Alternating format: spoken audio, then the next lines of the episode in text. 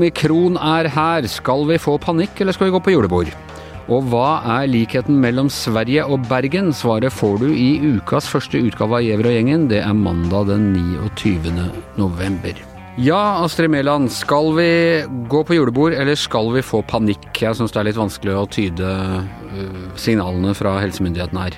Koronapanikk var nyordet i dag på Politisk kvarter på NRK. Det er vel Raimond Johansen, byrådslederen i Oslo, som har uh, introdusert det. Han mener at vi ikke skal ha koronapanikk, at vi skal gå ja. på julebord. Og han har altså rådet uh, oss til å gå med munnbind, og det må jeg si, det er det ikke mange av mine bysbarn her i Oslo som driver med. Jeg gikk på trikken med munnbind i uh, helgen følte meg nesten litt hysterisk.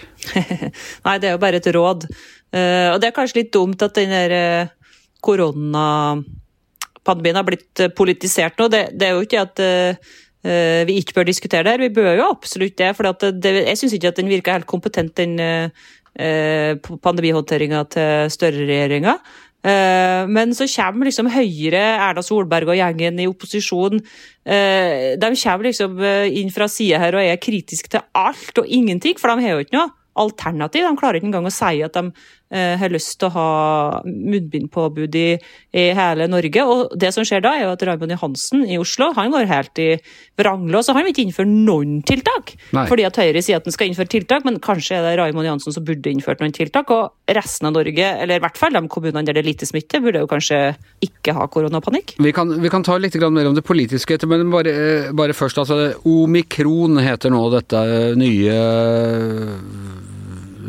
virusvarianten som da muligens kommer fra eh, Sør-Afrika. Og jeg har litt vanskelig altså det, det hører, Omikron det høres ut som et eller annet eh, science fiction, men det er veldig smittsomt, det har jeg skjønt, men er det farlig? Det er ingen som uh, veit, egentlig. Det er en gjeng som sier alarm, alarm, alarm, og det her uh, ser kjempeskummelt ut. Det sniker unna vaksinene. og og, og, det er, kommer til å snu opp ned på hele verdenssituasjonen. Mens en annen gjeng sier sånn Nei, men se det som har skjedd i Sør-Afrika. Det er uh, bare noen fåtall pasienter der da, som har lite å gå på, men uh, alle de har fått mild sykdom. Ingen er innlagt. I hvert fall ikke noen som er død av omikron. Så de sier at det er ikke sikkert det er så ille som dere tror der borte i WHO og Vesten som har fått panikk nå. Ja, fordi Verdens helseorganisasjon var ute og advarte at dette er en global fare, dette omikron-viruset. Absolutt. Jeg syns jo ofte når Verdens helseorganisasjon er ute og advarer, så skal det liksom treffe nesten 200 land. Og jeg tenker kanskje at Norge er jo egentlig, gjør jo det meste riktig. Det er jo bare det at det, det er masse andre land som ikke tester folk i særlig grad, og som, som, eh, som har mye mindre tiltak, da, mens Norge har jo hatt kjempemye tiltak hele tida. Så blir det brukt eh, av aktivister, selvfølgelig, det de sier på begge sider. Hør på WHO, vi gjør sånn som dem, men eh, det er ikke sikkert det alltid er retta mot, uh, mot, Norge. da. Vi, vi testa jo masse og har jo allerede kjempestrenge regler på, på grensa. da. Den eh, var jo litt kinkig, fordi regjeringa rakk jo akkurat å åpne opp for reisende fra, fra bl.a. Sør-Afrika på fredag, forrige fredag. Og så fikk de beskjeden om omikron samme dag. Måtte de stramme igjen et halvt døgn etterpå. Ja. Omikronet minner litt om oh my god, også oh my god, den derre taggen.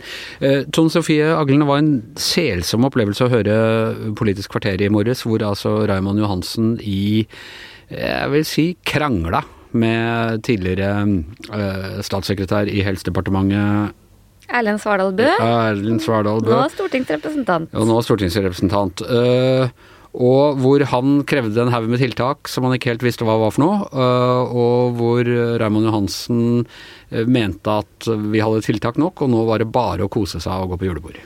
Ja, han øh, Erlend Svardalbø minna meg ganske mye om en person jeg hørte for et år siden, og det var helseminister Ingvild Kjerkol når hun var i opposisjon. Da også kritisk til regjeringas tiltak, men når hun ble spurt om hva som var alternativet, så ble det Eh, mer stilt. Og jeg er litt sånn forundra over eh, Høyre sin eh, sin nye strategi, om man kan kalle det det. For det er jo ikke bare han. Tidligere stortingspresident Tone Wilhelmsen Trøen var jo ute med et lignende budskap før helga. Og det var vel hun han ja. egentlig snakket på vegne av ja. på Politisk kvarter? Ja, hun er leder av helsekomiteen. og sa til og med at nå tar folk seg og savner Bent Høie. Og mm, det er jo helt sikkert sånn, Det er jo en regjering som har håndtert pandemien fra starten. Og, og kommunikasjonsmessig hadde jo liksom hele folket i sin hule hånd når landet stengte ned og leste dikt og alt det der. Det er jo mye mer krevende for den nye regjeringa å komme inn nå hvor det er veldig ulik kriseforståelse rundt omkring, da, og en helt annen situasjon. Men jeg syns Høyre overspiller veldig den der mangelen på tiltak fra regjeringa, og særlig når de ikke kan svare sjøl på hva slags tiltak det er de egentlig mangler. Det virker på meg som de utnytter litt at det er en, en uh, uklar situasjon og mye frykt og usikkerhet der ute. En ny regjering som ikke har helt grep om det. Du, Er det en gambling du satser på her, Astrid? Altså, jeg tenker Hvis, hvis uh, Raymond Johansen tar feil, og, og sykehusinnleggelsen stiger, og dette er katastrofe, og vi må begynne å, å stenge ned om en uke, så vil jo de uttalelsene han kommer med nå, uh, forfølge ham uh, lang tid framover vice versa for uh, Høyre når de, når de, går ut og, og, advarer så voldsomt hvis det viser seg at dette ikke er så farlig. Begge kan ikke ha rett. og Er det, uh, er det et sånt uh, politisk chicken race, dette her? Altså, Raymond Johansen har jo blitt forfulgt av sine uttalelser masse i pandemien. her. Det var jo han som sa nei, nei, nei og skulle ikke ha noen tiltak i Oslo. og Så gikk det ganske kort tid, og så ble det jo strenge tiltak. altså Det her var før vaksinene kom. da. Så slik er det jo det som er tryggest, syns jeg alltid er å klage og kreve strengere tiltak. Det er liksom opposisjonens rolle har hele veien her, da, mens de kanskje heller burde utfordra uh, litt på om tiltakene er forholdsmessige. Da. Vi har jo fått en bedre diskusjon om, om det nå. Men altså, jeg tror egentlig alt det som vi holder på å diskutere nå, det kan jo snus opp ned i og med at vi har fått den nye varianten.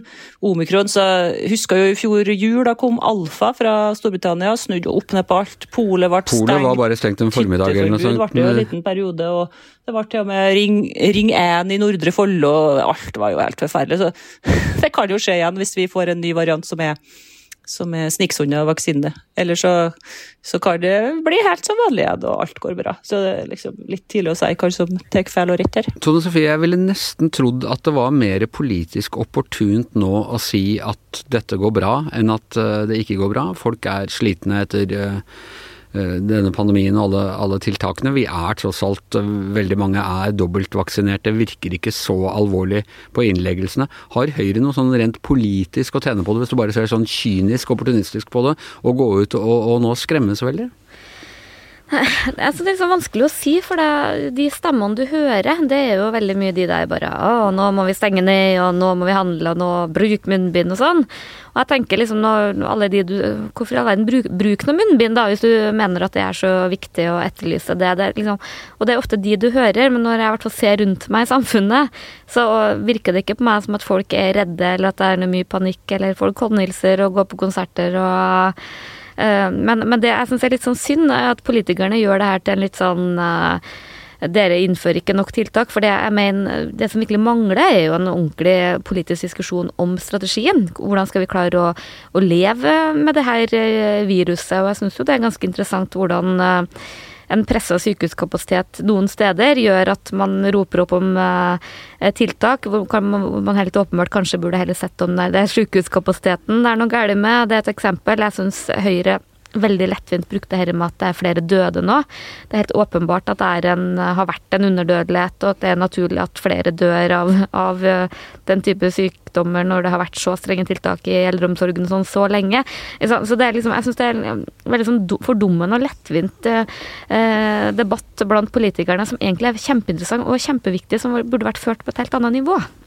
Ja, Astrid, hvor eh, lenge er det til vi vet om dette omikron-viruset er så farlig som vi frykter? Eller når vet vi litt mer om det? hver dag får vi vite mer, men det er jo snakk om flere uker før sies det fra ekspertene her, før vi liksom vet om sniksona-vaksinen, som er det verst tenkelige, da. Eh, så vi får bare følge med framover og se hva de finner ut. Jeg tror de eh, forska dag og natt på det her nye viruset. Hvis det hadde vært i gamle dager, så hadde vi ikke visst noe om det i hele tatt, sånn som i spanskesyken. Så vi er jo litt sånn eh, ekstra påpasselige her. Nå har det kommet nye råd allerede fra Kjerkol og, og eksperter i dag som gjelder omikron, da, så vi er virkelig på ballen her, må jeg si. Ja. Vi kan være glad vi ikke levde for 100 år siden, er det du sier? Ja, på alle mulige måter, ja. ja. Supert, da hadde vi også hatt en verdenskrig foran oss. Og, og litt varmt. Ja, eh, både Bergen og eh, Sverige har vært gjennom eh, regjeringskrise den siste tiden. Eh, løste seg akkurat rett før vi gikk i studio for Sverige, i hvert fall. Hør på dette. Omrøstningen har utfallet med 101 ja-røster, 173 nei-røster. 75 ledamøter har avstått fra å røste. Eftersom mindre enn hälften av riksdagens ledamöter har röstat nej har kammaren godkänt förslaget att utse Magdalena Andersson til statsminister. Jaha, det var Magdalena Andersson som ble valgt til premierminister i Sverige for andre gang på en uke. Hun er da altså Sveriges både første og andre kvinnelige statsminister, stemmer det sånn, Sofie?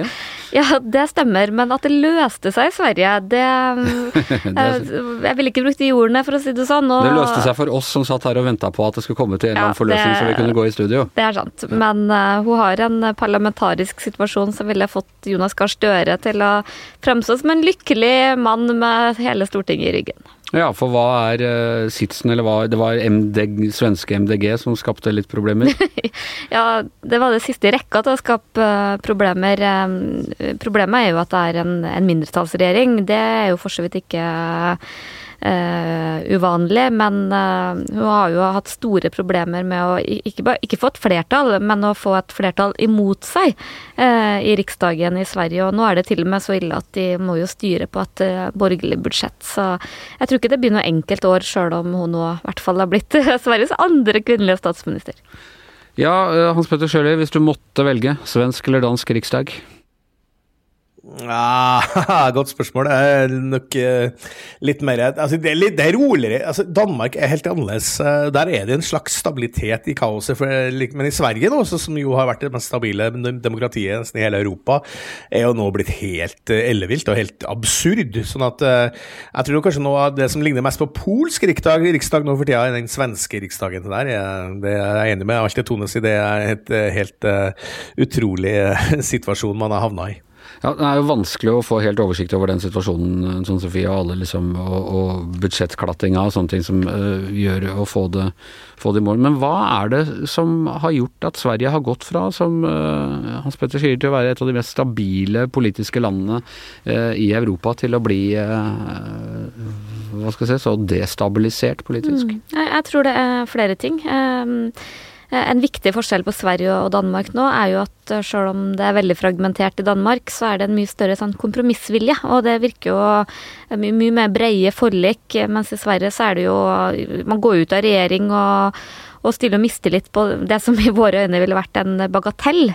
Det er det ene. Det andre er jo Sverigedemokraternes posisjon som et veldig stort eh, voksende parti med ja, På målingene er det vel, ligger vel jevnt 20-25 som man ikke ville tatt i med ildtang og ikke ville forholdt seg til, mens de bare har vokst. Det er det andre. Og det tredje er jo at sosialdemokratene har støttepartier, SV og Senterpartiet og Venstrepartiet, da, som ikke bare liksom misliker hverandre, men som har satt ned veto mot at de skal nå som helst innflytelse, og da blir det fryktelig vanskelig. Ja, Hans Petter, er det noe med at eh, ja visst gjør det ondt når knapper brister, at uh, Sverige liksom ikke helt har vent seg til den uh, politiske virkeligheten som de fleste andre land i uh, Vest-Europa har måttet ta inn over seg, med, med en ganske kraftig radikal høyreside og, og mye sterkere innvandringsmotstand enn man hadde for noen tiår siden?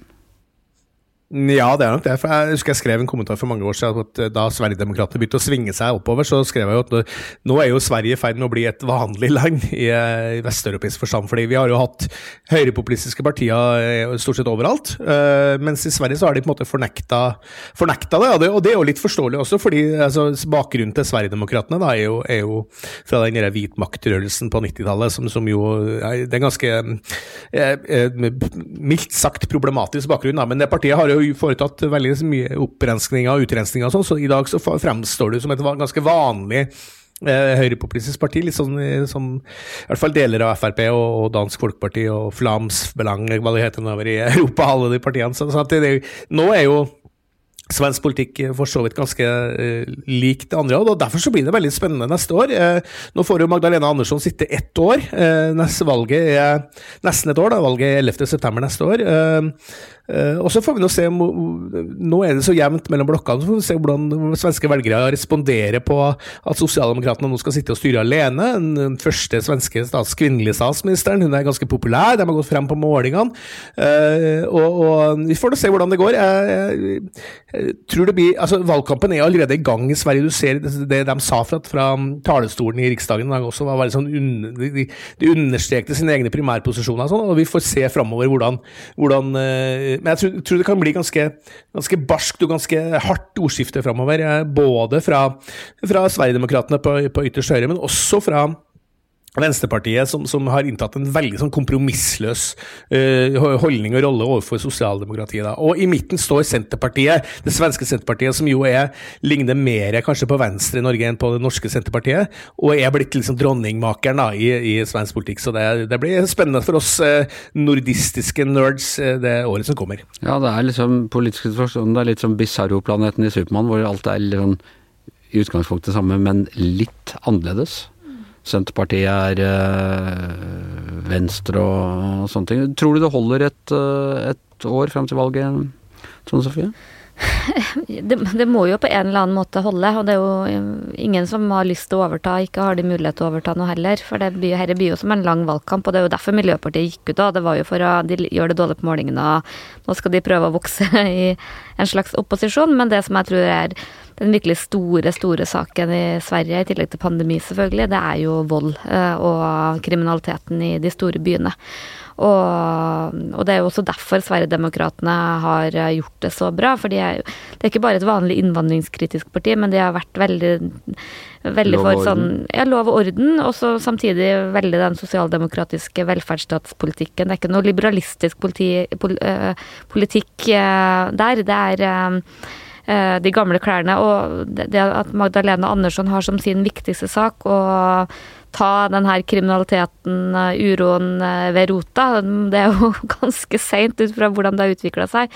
Men om de klarer å vise noe reell handlekraft og får noe endring, der tror jeg vil være virkelig den store saken de vil bli målt på. Ok, du, vi snakket jo om innvandringen innledningen av denne podkasten også om at det var en slags likhet mellom Bergen og, og Sverige? Ja, i dette øyeblikk så er det jo ikke en Eller det politiske kaoset er jo en likhet, men der Sverige nå klarte å få en uh, statsminister etter noen utsatte runder, så måtte man i Bergen i dag utsette den uh, fristen for å få danna et uh, nytt byråd. Men det er jo en del som ligner, da. Ja, for det har vært kaos i Bergen nå siste uka? Ja, etter at det Ap-leda byrådet ble nedstemt på denne eh, bybanesaken, som framstår veldig snål for alle oss som ikke er veldig inne i, i bergenspolitikken, så uh, gikk jo byrådsleder Roger Wallhammer av. og og så er jo liksom Hvorfor i all verden vil ikke Høyre bare overta? Men problemet der er jo at selv om det er et politisk flertall for at denne bybanen skal i en tunnelløsning, så har de jo ikke noe politisk flertall i andre saker. Så det er en ganske sånn håpløs situasjon i Bergen òg, i likhet med Sverige. Ja. Hva tror du, Hans Petter, som er eks-bergenser? I hvert fall bodde der en stund. Det er ikke så mange som tror det når jeg snakker, vet du, at jeg er eksbergenser. Jeg bodde der i, i, flere år mens jeg studerte. Og da bodde jeg i starten i ja, jeg, Åsane. Jeg, jeg, hører at du bryter på bergensken. Altså. Ja, jeg bodde jo i Åsane, og, og oppi der nord for Bergen. Og det, og det eh, var jo helt meningsløst å bo der for så vidt som student. Men uansett, da tok vi buss inn til byen gjennom. Det er ganske langt opp dit, og det er ganske som mange fjell. Så, jeg, og det har vært så kult hvis Bergen har fått bygd den der banen over Bryggen og kjørt den opp til Åsane, for da har du knytt sammen den byen på en helt eh, ny måte. og vært Uh, og at, at, det skal være det problem at den banen går over, uh, over, Bryggen, det kan jeg ikke forstå, for der har det vært svære veier og, og masse kaos før også. Så jeg syns det er veldig synd for Bergen, altså. Ja, det har vært veldig forsiktig hvis jeg var der. Sånn har vært, Vært veldig forsiktig hvis jeg var der med å mene sterkt om hvordan de bør ordne opp i Bergen og Bryggen og i det hele tatt. Ja, men nå sitter jeg på lang avstand, så nå er jeg ikke så redd for dem. Men, eh, nei, men altså, det som skjedde, var jo at Rødt snudde, eller altså Rødt fikk det var én stemmes overvekt på Rødt sitt årsmøte der borte, og som gjorde at plutselig var det flertall for den tunnelløsninga, og så må, ble det kaos, da. Eh, og så må det sikkert da vente i mange, mange år til da, det, for, for, å få noen løsning på den bybanen som der snakka om. Og det, nå er det jo en bybane allerede som går andre veien, da, ut mot Nesttun og Fana og ut mot uh, flyplassen, der, eh, og den er kjempepopulær. Så at det skal drøye så lenge med den andre løsninga der, syns jeg er veldig synd for eh, Bergen by. Da. Men om de ikke klarer å løse selve bybanen sånn i inneværende periode, Tone Sofie? Får, de en uh, parlamentarisk situasjon de kan leve med? Ja, ja, det er jo ikke godt å si, da. Nå har jo Senterpartiet Det er jo litt de samme aktørene som i Sverige òg, faktisk. Senterpartiet og Rødt eh, har jo varsla at de kan eh, snakke med Høyre om å danne, men liksom, Høyre har jo Det er jo et rimelig rødt Eh, flertall på et slags vis da i, i, Sverige. Så jeg tror nok at Høyre kvier seg veldig for å gå inn og styre uten å ha et uh, greit flertall uh, bak seg, mens uh, Arbeiderpartiet er veldig tydelig på at med det, med det, vedtaket som ble, det mener de er uansvarlig, de kan ikke styre der. Så det, det er ikke noe enkel situasjon. Og jeg er jo helt enig med Hans Petter, den bybanen i Bergen er jo genial. Liksom. Du kommer deg jo til flyplassen på en uh, bussbillett. Ja, ja, jeg syns det er en hyggelig tur. Litt sånn masete ja, ja, musikk en vakker på den. Tur, ikke ikke minst. Litt masete musikk hver gang de stopper. Det er sånn typisk Bergen. Det er masse bråk hele tida, men uh, men Det er Bauekorps heter den musikken. Er det det der, ja. ja. Men det, det, virker jo Det er jo helt genialt. Ja. Ok, uh, vi ønsker både Bergen og Sverige lykke til her i, i Gjevrøy-gjengen. Skal følge med dem utover i uka, men vi er over for i dag. Tusen takk til Astrid Mæland som var med oss på link. Det samme var Hans Petter Sjøli. Tone Sofie Aglen var heldigvis her i studio sammen med meg, som heter Anders Giæver. Og mannen som putter omnikronen på verket, er som vanlig produsent Magne Antonsen. Du har hørt en podkast fra VG.